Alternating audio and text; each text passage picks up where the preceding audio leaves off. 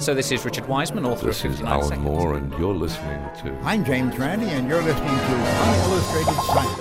Så du, du leker jo Nei, du leker ikke Gud. Kan eh, kurere kreft om fem For meg så er vel det her like nyttig som homøpati.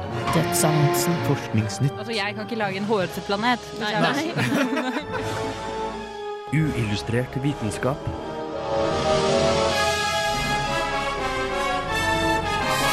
Science, it works, bitches. I denne ukas Uillustrert vitenskap har Sunny sett nærmere på grafen og dets spennende egenskaper. Og ellers får du selvfølgelig forskningsnytt basert på kunstig liv og trivelige rotter.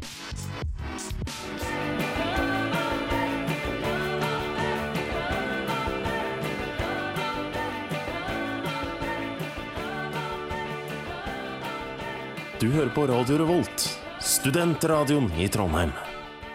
Ja, det var den eh, noe ensformige låta av Bleached, eh, 'Searching Through the Past'. Eller bare come on back, come Er det det du sa? Ja. Eh, velkommen til Uillustrert eh, vitenskap. Tusen takk. tusen takk. Vi har en aldeles fullstappa sending i dag eh, med meg, Jeanette Bø, og deg, Sønn Islam. God dag. Eneste vi mangler nå, er Ole Eivind, som er fraværende. Ja. Eh, vi skal i dag eh, gå igjennom eh, grafen. Det sa jeg i introen. Og så skal vi innom kunstige hjerner, kunstige celler, empatiske rotter, og så må vi til Thailand, til kjempepandaer. Veldig mye Det- på tapetet, altså. Det er veldig søtt. Og så er det jo selvfølgelig Fun, fun Fact-skolen. Og Sunny har vært jævlig produktiv denne uka. her. Du har vært på foredrag. Ja, jeg var på Lerkendal gård. Jeg var faktisk eh, med Norges tekniske vitenskapsakademi. Hva? Oi! Det, det er, er en gjeng med 70 til 80 til 100 år gamle menn som 100? eh, Det så sånn ut. De var Ja. veldig grå i håret, da, for å si det sånn. Men eh, møtet var også åpne for ikke-medlemmer, og der så var eh, hovedforeleseren Arne Brattås. Og temaet for kvelden var grafen, et nobelt lag av atomer. Oi. Jeg skulle jo egentlig ha den kuldedøden, men uh, nok en gang så fikk jeg nei fra NTNUs ekspertpanel. Kjempe, kjempe, kjempebra. Men uh, vi skal få høre på den flotte møtet. Åssen blir du invitert til de treffene der? Nei, det kommer i sånn gullkonvolutt. Jeg tror du bare gikk dit, stå og så inn vinduet, og så er, slipp inn han stakkaren. Jeg tror det var det. Ja. Ja, Grafen etterpå også, etter Stand High Patrol med Entertainer.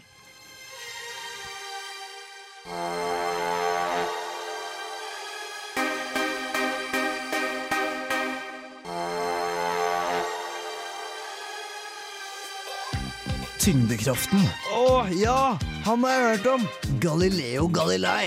Det er jo for godt til å være sant. Lars Monsen. Dette setter jeg pris på, ass. Tycho Brahe. Mm. Ah. krass fysikk.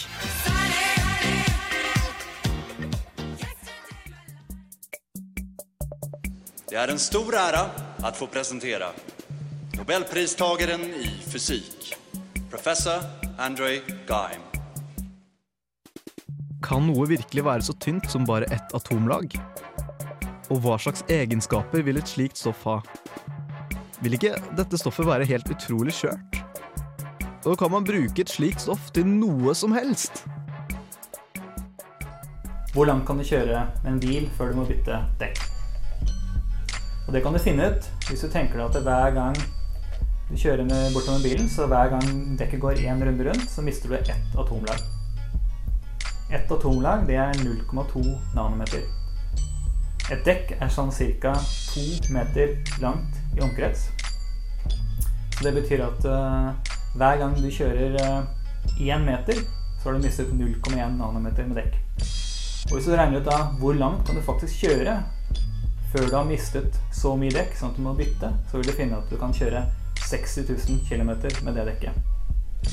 Det er faktisk, det estimatet er nøyaktig det samme som Transportøkonomisk institutt oppgir. De oppgir at du kan kjøre 30 000-60 000 km før du må bytte dekk. Så det betyr at estimatet stemmer. Det betyr altså at hver gang dekket går én runde rundt, så mister du ett atomlag med dekk.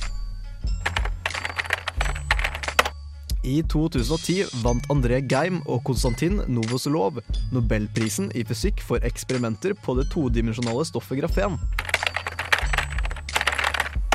Grafen er en allotrop av karbon, og det som gjør det så spesielt, er at stoffet bare er ett atomlag tykt. Man eh, skulle anta at et stoff som grafen er uhyre vanskelig å fremstille. Men Arne Brattås, professor ved Institutt for fysikk ved NTNU, mener annerledes. Eksempelet med dekket viser også hvordan to forskere klarte å få nobelprisen i fysikk i 2010. Eh, Det de gjorde, var å klare å isolere ett eneste atomlag av karboner basert på grafitt. Så de tok grafitt, og så skrapte de mot et annet materiale. Da falt det av noen atomlag. Og for å sørge for at det bare var ett eneste igjen, så tok de det som var falt av, festet på teip. Du tok bare teip oppå. Så bøyde de teipen, og da spriker du ut noen atomlag, og så kan de velge ut av det som er tynnest. Og heldig som var, så fant de da noen ganger at det var bare ett eneste atomlag igjen. Som var relativt stort, altså som du kunne se nesten med det blotte øynene, gjennom, i hvert fall gjennom et mikroskop.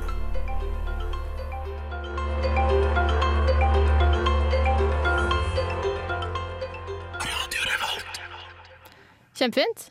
Eh, jeg hørte det var eh, nobelpris eh, inne i bildet. Ja, nobelpris er alltid stas. Ja, hva, hva var det som var så spesielt med det her? Hvorfor får man nobelpris? Nei, det, det er mange som mistolker nobelprisen. her. Det er mange som tror at det var disse gutta som oppdaga grafen. Uh, eller ja, det stemmer jo, men det var ikke det de vant prisen for. For grafen det er et eh, begrep som har blitt brukt lenge. da. Man visste ikke at man kunne skille ut eh, karboner til bare ett atomlag, men man brukte det som en forklaringsmetode til å forklare andre sammensetninger eller allotroper av karbon, da, som f.eks. grafitt eller karbon-nanorør eller fullereneren, som vi alle kjenner så godt. Til. Følger renere? Fullereneren. Ja. C60, fotballmolekylet. Oh, den, ja. Ja, den har jeg sett. Den har du sett. Ja, men vi har jo makroverdenen, altså den verdenen vi oppfatter i dag, med mekaniske lover som vi kjenner så godt. Men når vi begynner å zoome inn på ting, zoome langt inn, så kommer vi til kvanteverdenen, og der oppfører ting seg helt annerledes. Blant annet så vil partikler oppføre seg som eh, bølger eller lys. Og siden at grafen bare er ett atomlag tykt, så vil da elektroner som beveger seg i grafenet, oppføre seg som lys. Så Derfor er grafen et fantastisk virkemiddel, eller et hjelpemiddel som du kan bruke for å studere eh, hvordan lyset vil oppføre seg i ikke-relativistiske, altså under lysfart, eh, lyshastigheten. Så er det det du bruker grafen til? Eh, at du kan se på andre ting ved hjelp av Nei, det, det er jo det de vant det for, men uh, man innbiller seg at man kan uh, bruke grafen til ganske mye, fordi det er en vanvittig god uh, både strøm- og varmeleder. Og samtidig, selv om grafen er utrolig, utrolig tynt, så er det ikke stivt. Du kan bøye det. Og siden det er en elektrisk leder, og du kan bøye det, så tenker man seg at man kan bruke grafen da, som elektrisk leder i bøyelige skjermer. Og det syns jeg er ganske kult. I Men- tillegg til dette, så selv om det bare er ett atomlag tykt, så tåler stoffet en påkjennelse på fire kilo. Som tåler en eh, liten katt eller en veldig stor baby. Oi, bra. Bra at du tåler en baby. Å, du kan ha sånn eh, grafen eh, bæremeis. Nei, hva heter det? Sånn du putter babyer i. Har rundt halsen. Um, Bæremeis. Bæ nei, nei, det er, det er sånn sekk. Ja, ja. Bærereim. Eh, hvordan, hvor, men eh, et atomlag hvor, Åssen ser det ut? Jo, det, jeg så faktisk et bilde av det på foredraget. Det er, eh, det er gjennomsiktig. Det er nesten som eh, veldig veldig, veldig tynt glass. Da. Så jeg syns det er helt utrolig at det fortsatt er synlig, selv om det bare er ett atomlag tykt. Men eh, for dere som ønsker å bruke grafen til ting, don't get your hopes up, fordi det er helt utrolig, utrolig dyrt. For en kvadratcentimeter med grafen så koster det 100 millioner dollar. Eh, og hvis du skal ha en kilo av det, så koster det ti opphøyde, opphøyde, ja, ti opphøyd i 70. dollar per kilogram. Kjempe, kjempelurt. Ikke, ikke bruk det til sånn babybæring. Nei, ikke bruk det til babybæring. Det Men, kult, men, men, men Så man kan ikke bruke det til, til babybæring, men de, kan bruke, de, de vil heller bruke det i sykler, var det du sa? Ikke sykler, men i skjermer. Altså i, i mobilskjermer. da. Men altså, selv om det koster ti opphøydede i Å, 70 sånn skjerm. Ja. Selv om det koster mye i dag, så betyr det ikke nødvendigvis at det koster mye i framtiden. Vi håper jo på at eh, det kommer til å bli billigere, og at vi kommer til å finne nye metoder for å utvinne grafen.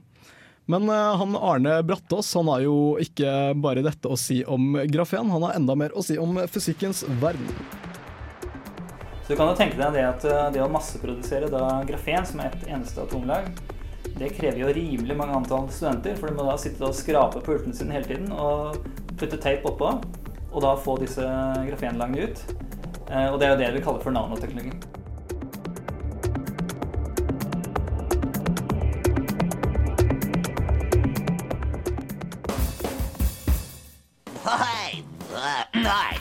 Compression and expansion of the longitudinal waves cause the erratic oscillation, you can see it there, of the neighboring particles.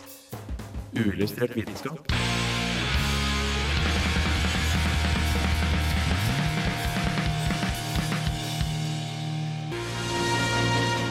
Uillustrert vitenskap presenterer Forskningsnytt.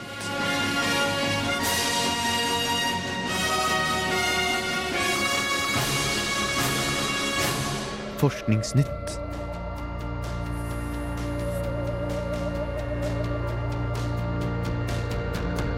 En kunstig hjerne har klart å lære seg selv å estimere antall objekter i et bilde uten å faktisk telle dem. Slike evner kan finnes hos bl.a. løver, fisk og mennesker. Siden hjernemodellen ikke var programmert med numeriske evner, tilsier dette at evnen heller oppstår fra generelle læringsprosesser enn nummerspesifikke mekanismer. Arbeidet er blitt gjort ved universitetet i Padua i Italia, og lederen for studiet, Marco Sorsi, sier at dette kan hjelpe til med å forstå dyskalkuli, eller tallblindhet, og forbedre robotikk. Evnen det er snakk om, kalles ANS, og fisk bruker ANS til å finne den største og tryggeste stimen å svømme sammen med. Sorsi og kollegene forsket på ANS ved hjelp av en kunstig hjerne, eller datastyrte neurale nettverk som reagerer på bilder og genererer nye imaginære versjoner av bildet. Programvaren modellerer et netthinnelignende lag av nevroner som reagerer på bildet, og et par dypere lag som tar seg av den mer sofistikerte prosesseringen av infoen gitt av laget over. Studiet kan gi en forklaring på hvordan vi estimerer et antall vi ikke kan telle.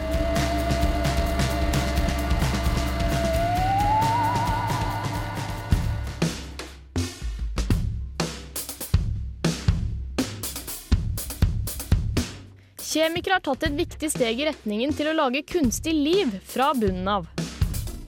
Ved hjelp av en ny kjemisk reaksjon har de laget selvmonterende cellemembraner. Strukturen som inneholder og støtter reaksjonene som er nødvendige for liv. Neil DeVara, professor i kjemi ved Universitetet i California i San Diego, som er en av lederne av dette prosjektet, sier at på lang sikt er målet å kunne lage en helt kunstig levende celle.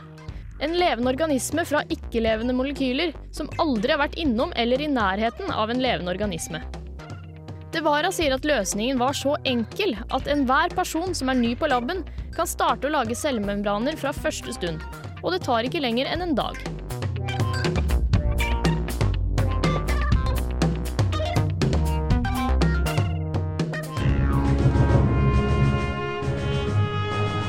Det at noen rotter seg sammen, bør ikke lenger bli sett på som noe negativt.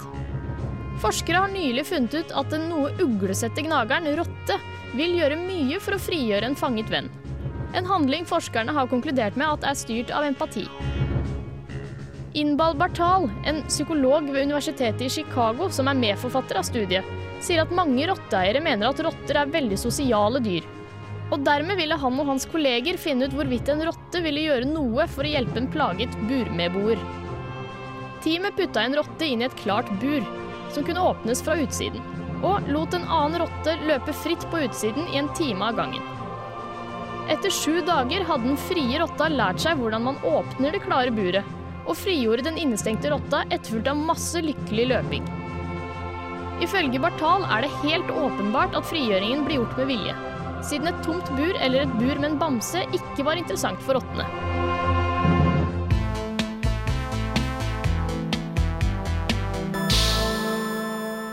Radio Revolt. Ja, det var Kraftverk med The Model.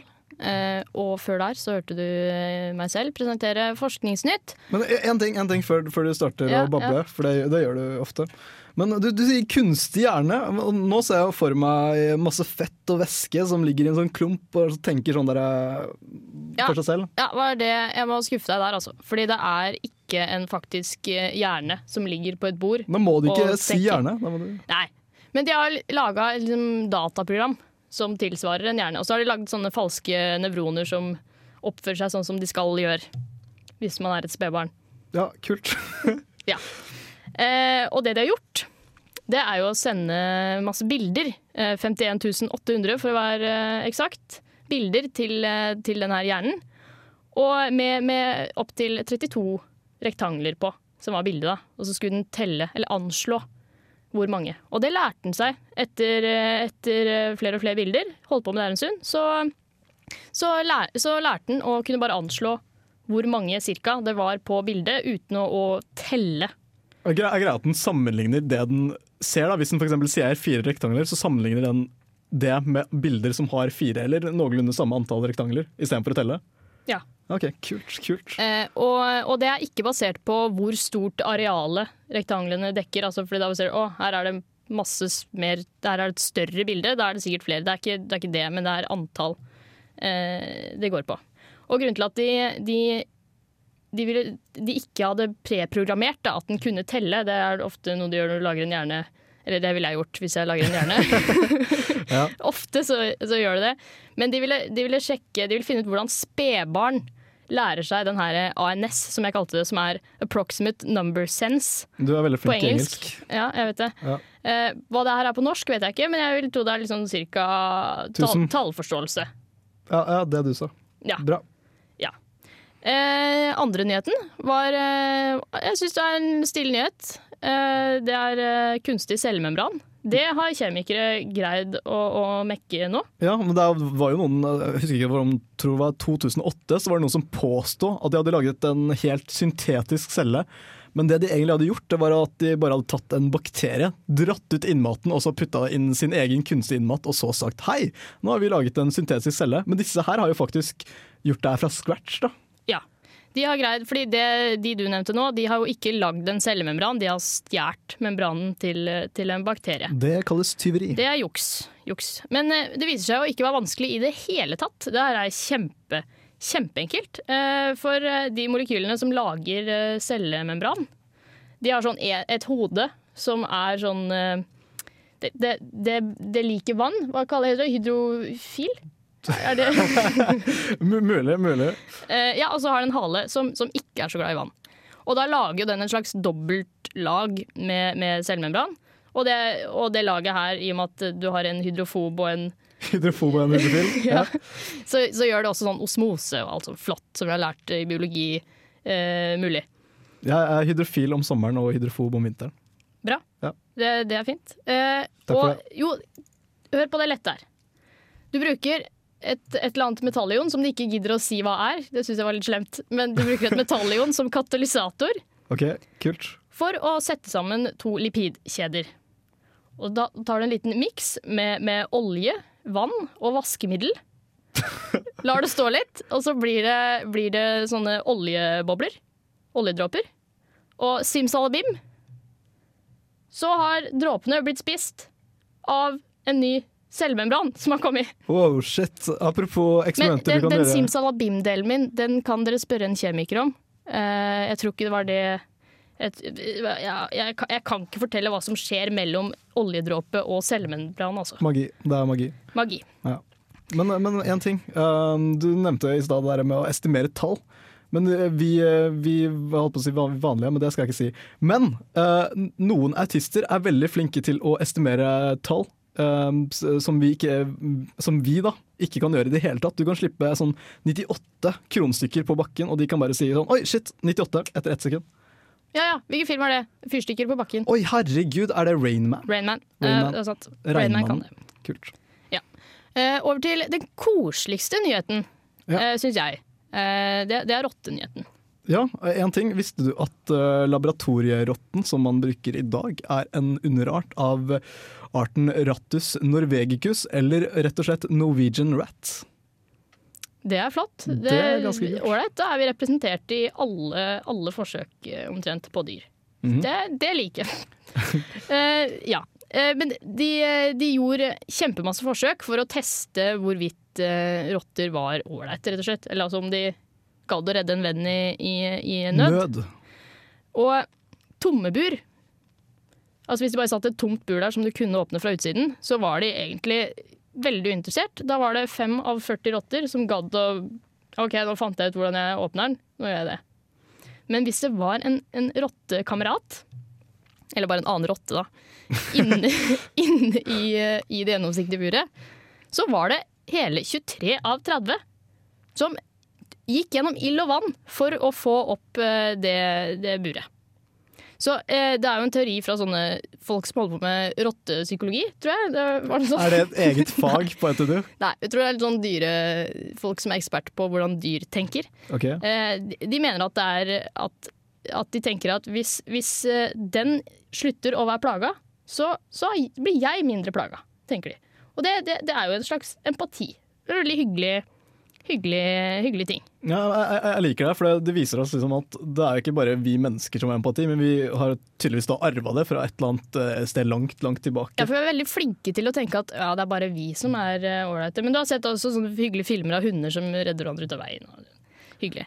Eh, og så For å teste hvor ålreite de faktisk var, hvor ålreite er de her, så var de så sleipe at de dro med sjokolade med inn i spillet. Og de rottene her er da Spiser rotter sjokolade? Ja, jeg lurte jeg helt på, men eh, det sto at, eh, at de rottene her er faktisk veldig glad i sjokolade. Jeg tror de gir de det som sånn gratulerer, du har greid noe. Hm, hunden min spiser ikke sjokolade. Eh, og da, da fikk de valget. Har du lyst til å løslate sjokoladen fra de gjennomsiktige bordet, eller har du lyst til å løslate rottevennen? og det var faktisk 50-50. Halvparten tok og redda rottevennen. Og hvis de, hvis, de tok, hvis de tok og redda sjokoladen, så spiste de ikke opp alt. De, de sparte litt. De, Kan, kan det være at det var veldig stor de sjokoladebit? ut, de tok ut sjokoladehvitt først, spiste opp halvparten. Og så gikk de og redda ut den andre rottevennen. Så, her har du sjokolade. Jeg har tatt min del, selvfølgelig, men uh, gratulerer, du er ute. Du Jeg tror er det er det koseligste forskningsnytt jeg har hørt på veldig lenge. Ja, jeg er, eh, jeg er helt enig. Jeg er veldig fornøyd med meg selv. Eh, Men eh, du, Sunny, du er ikke ferdig for dagen. Du har jo du har en fun fact-skole. Ja, jeg har en fun fact-skole. Det er ikke jeg som starta den, men jeg føler at det er jeg som driver den nå, da. Så lærer Sunny skal jo fortelle deg litt om eh, to pandaer i Thailand. Uillustrert vitenskaps fun fact-skole. Vær midtpunktet på neste vorspiel.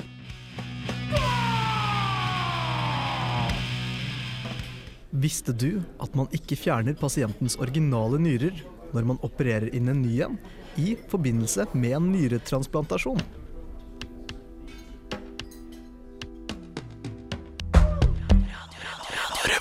Shuang Shuang, en hannpanda, og Lin Hui, en hunnpanda, er på slutten av et ti års opphold i Thailand. De er hovedattraksjonen i Chiang Mai-dyrehagen, som ligger nord i landet.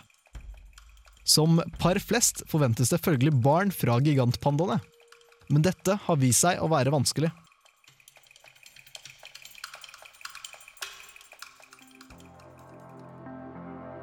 Gigantpandaer i fangenskap klarer nemlig ikke å få barn på den naturlige måten. Dyrepasserne mener at de vakre skapningene rett og slett ikke vet hvordan. De har levd i fangenskap hele livet, og har derfor aldri vært vitne til seksuelt samleie. I både Japan og USA har man måttet ty til kunstig befruktning. Men de ansatte i Chiang Mai-dyrehagen har en løsning de mener er bedre. De har prøvd å sparke i gang sexlivet til pandaene. Paret ble vist videosnutter av gigantpandaer i det frie som har seg med hverandre. Eller bare pandaporno, om du vil.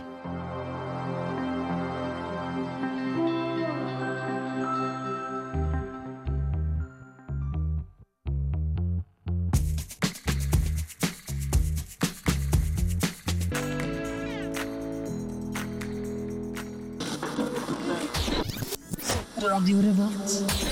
Ja, det var Lars and the Hands of Light med Me Me Me. Eh, og du har akkurat eh, også fått høre litt om pandaporno. Ja, Eh, av en eller annen pandaporno er grunn. alltid like Det liker koselig. du, Sunny. Jeg elsker pandaporno, men eh, ikke, ikke å se på det. Jeg liker ideen om det. Men eh, nå lurer sikkert eh, både du, Jeanette, og dere der hjemme. Fikk de barn? Det, nei, det vet jeg ikke. Du lurer på det? Ja, Jeg lurer på det, altså. Ja. Veldig spent. Ja, Veldig spent. Og her er svaret. Ja, de fikk barn! Ja! Og jeg er jo kjempeglad for dette, men så leste jeg senere at barnet det kom i 2009. Men det var ikke pga. vår herlige porno, men det var pga. Kunstig, kunstig befruktning. For her er tingen.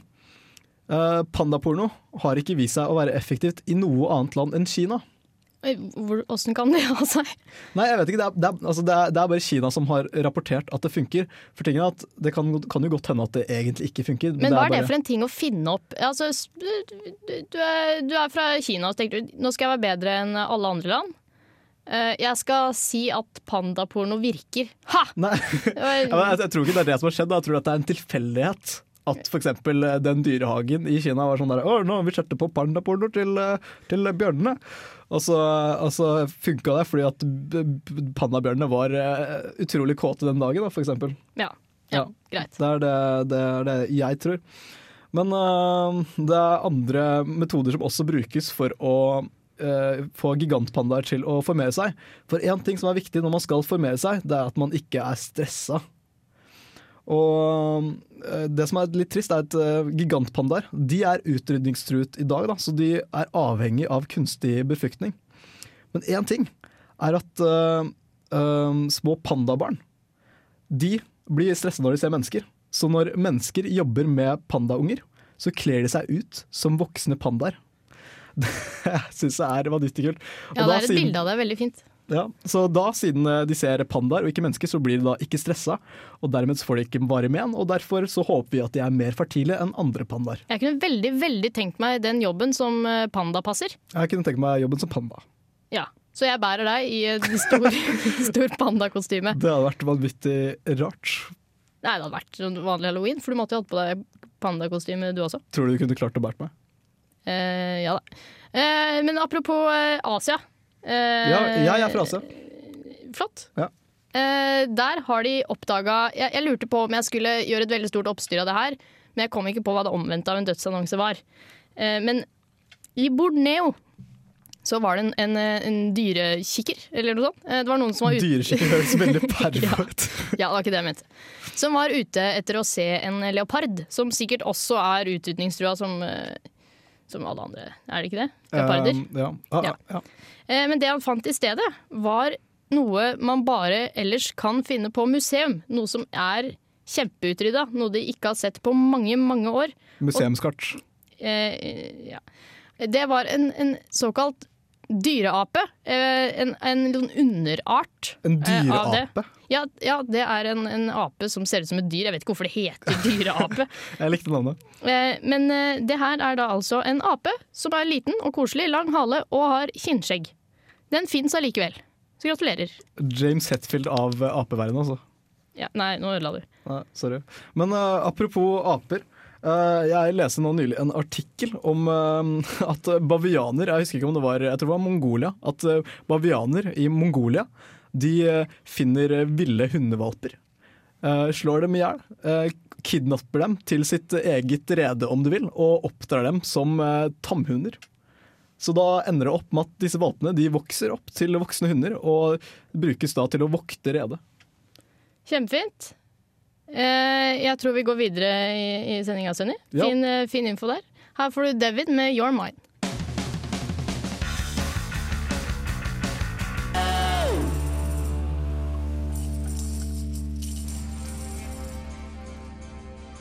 They say great science is built on the shoulders of giants.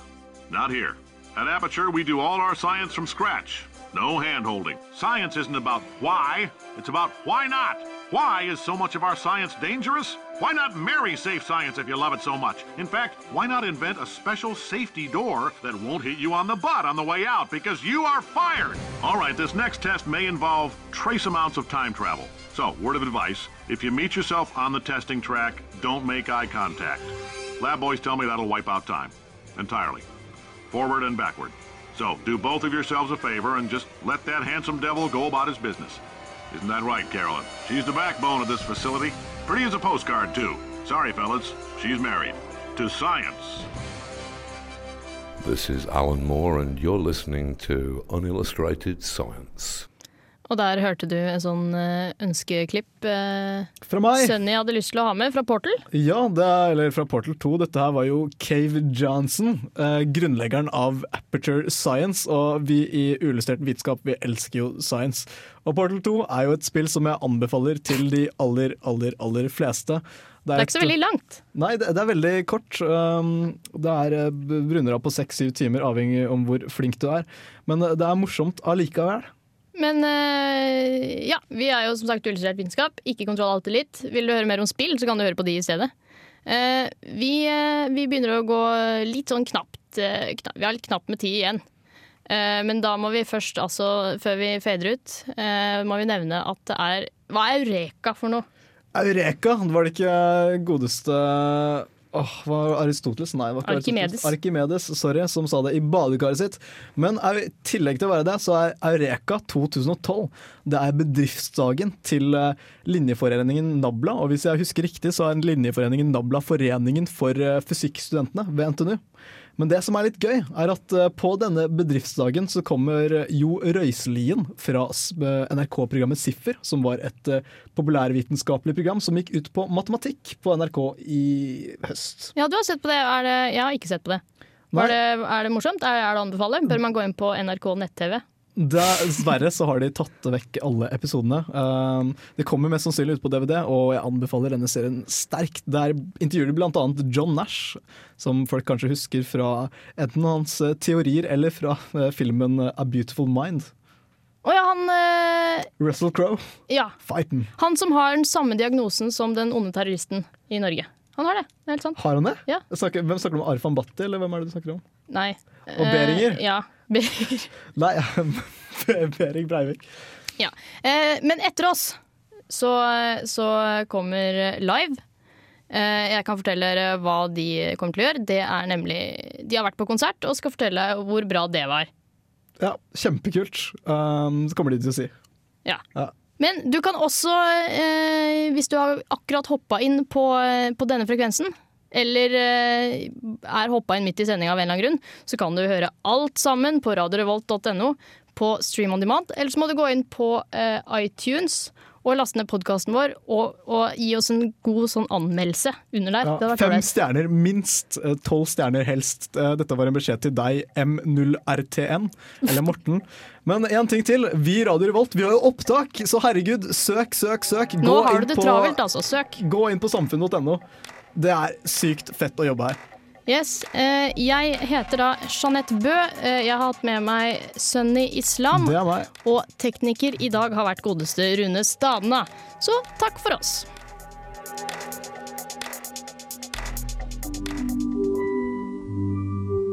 Uillustrert vitenskap er Midt-Norges eneste teknologimagasin på lokalradio. Og vi snakker om alt fra populærvitenskap til sære forskningsprosjekt ved NTNU. Radio Revolt, studentradioen i Trondheim, er stolt av å kunne presentere podkaster fra de aller mest populære programmene våre. Hvis du har lyst til å høre mer fra Radio Revolt, hvem vi er og hva slags musikk vi spiller, så kan du høre oss på FM-båndet i Trondheimsregionen, eller streame sendingene våre live på radiorevolt.no.